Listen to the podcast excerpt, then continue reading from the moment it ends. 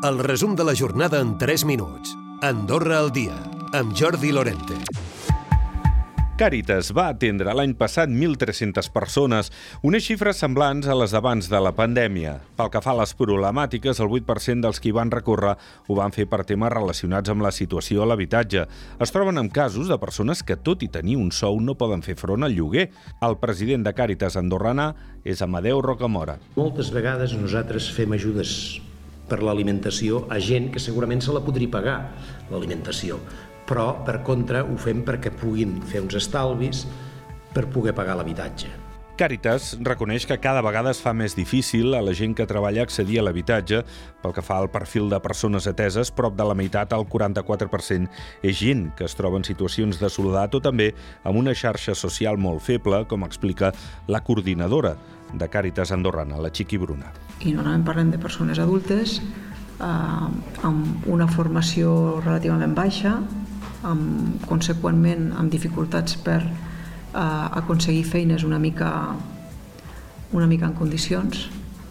Llavors, és un col·lectiu eh, una mica també relacionat amb el que us deia, persones que viuen amb les, a les pensions, D'altra banda, expliquem que des d'abans de les eleccions generals que no reuneix el Consell Econòmic i Social, els representants dels sindicats lamenten que s'estiguin prenent decisions des de l'executiu que afecten directament els treballadors sense que se'ls hagi consultat.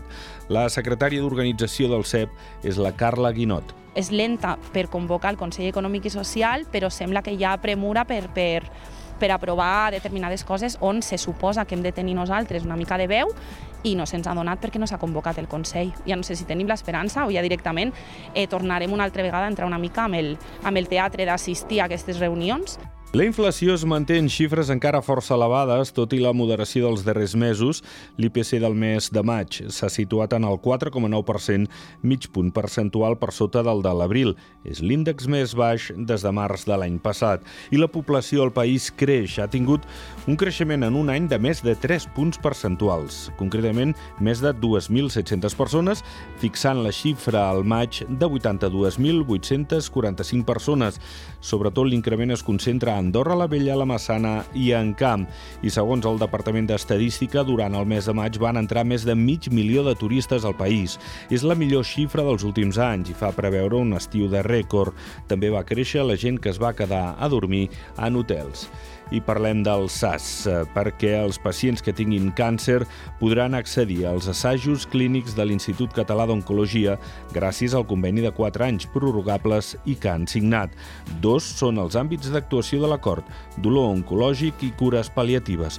Els pacients en atenció pal·liativa podran beneficiar-se de teràpies intervencionistes en el dolor o bé ser derivats a l'unitat de Consell Genètic. També es contempla la col·laboració formativa i l'intercanvi de professionals. Recupera el resum de la jornada cada dia a AndorraDifusió.d i a les plataformes de podcast.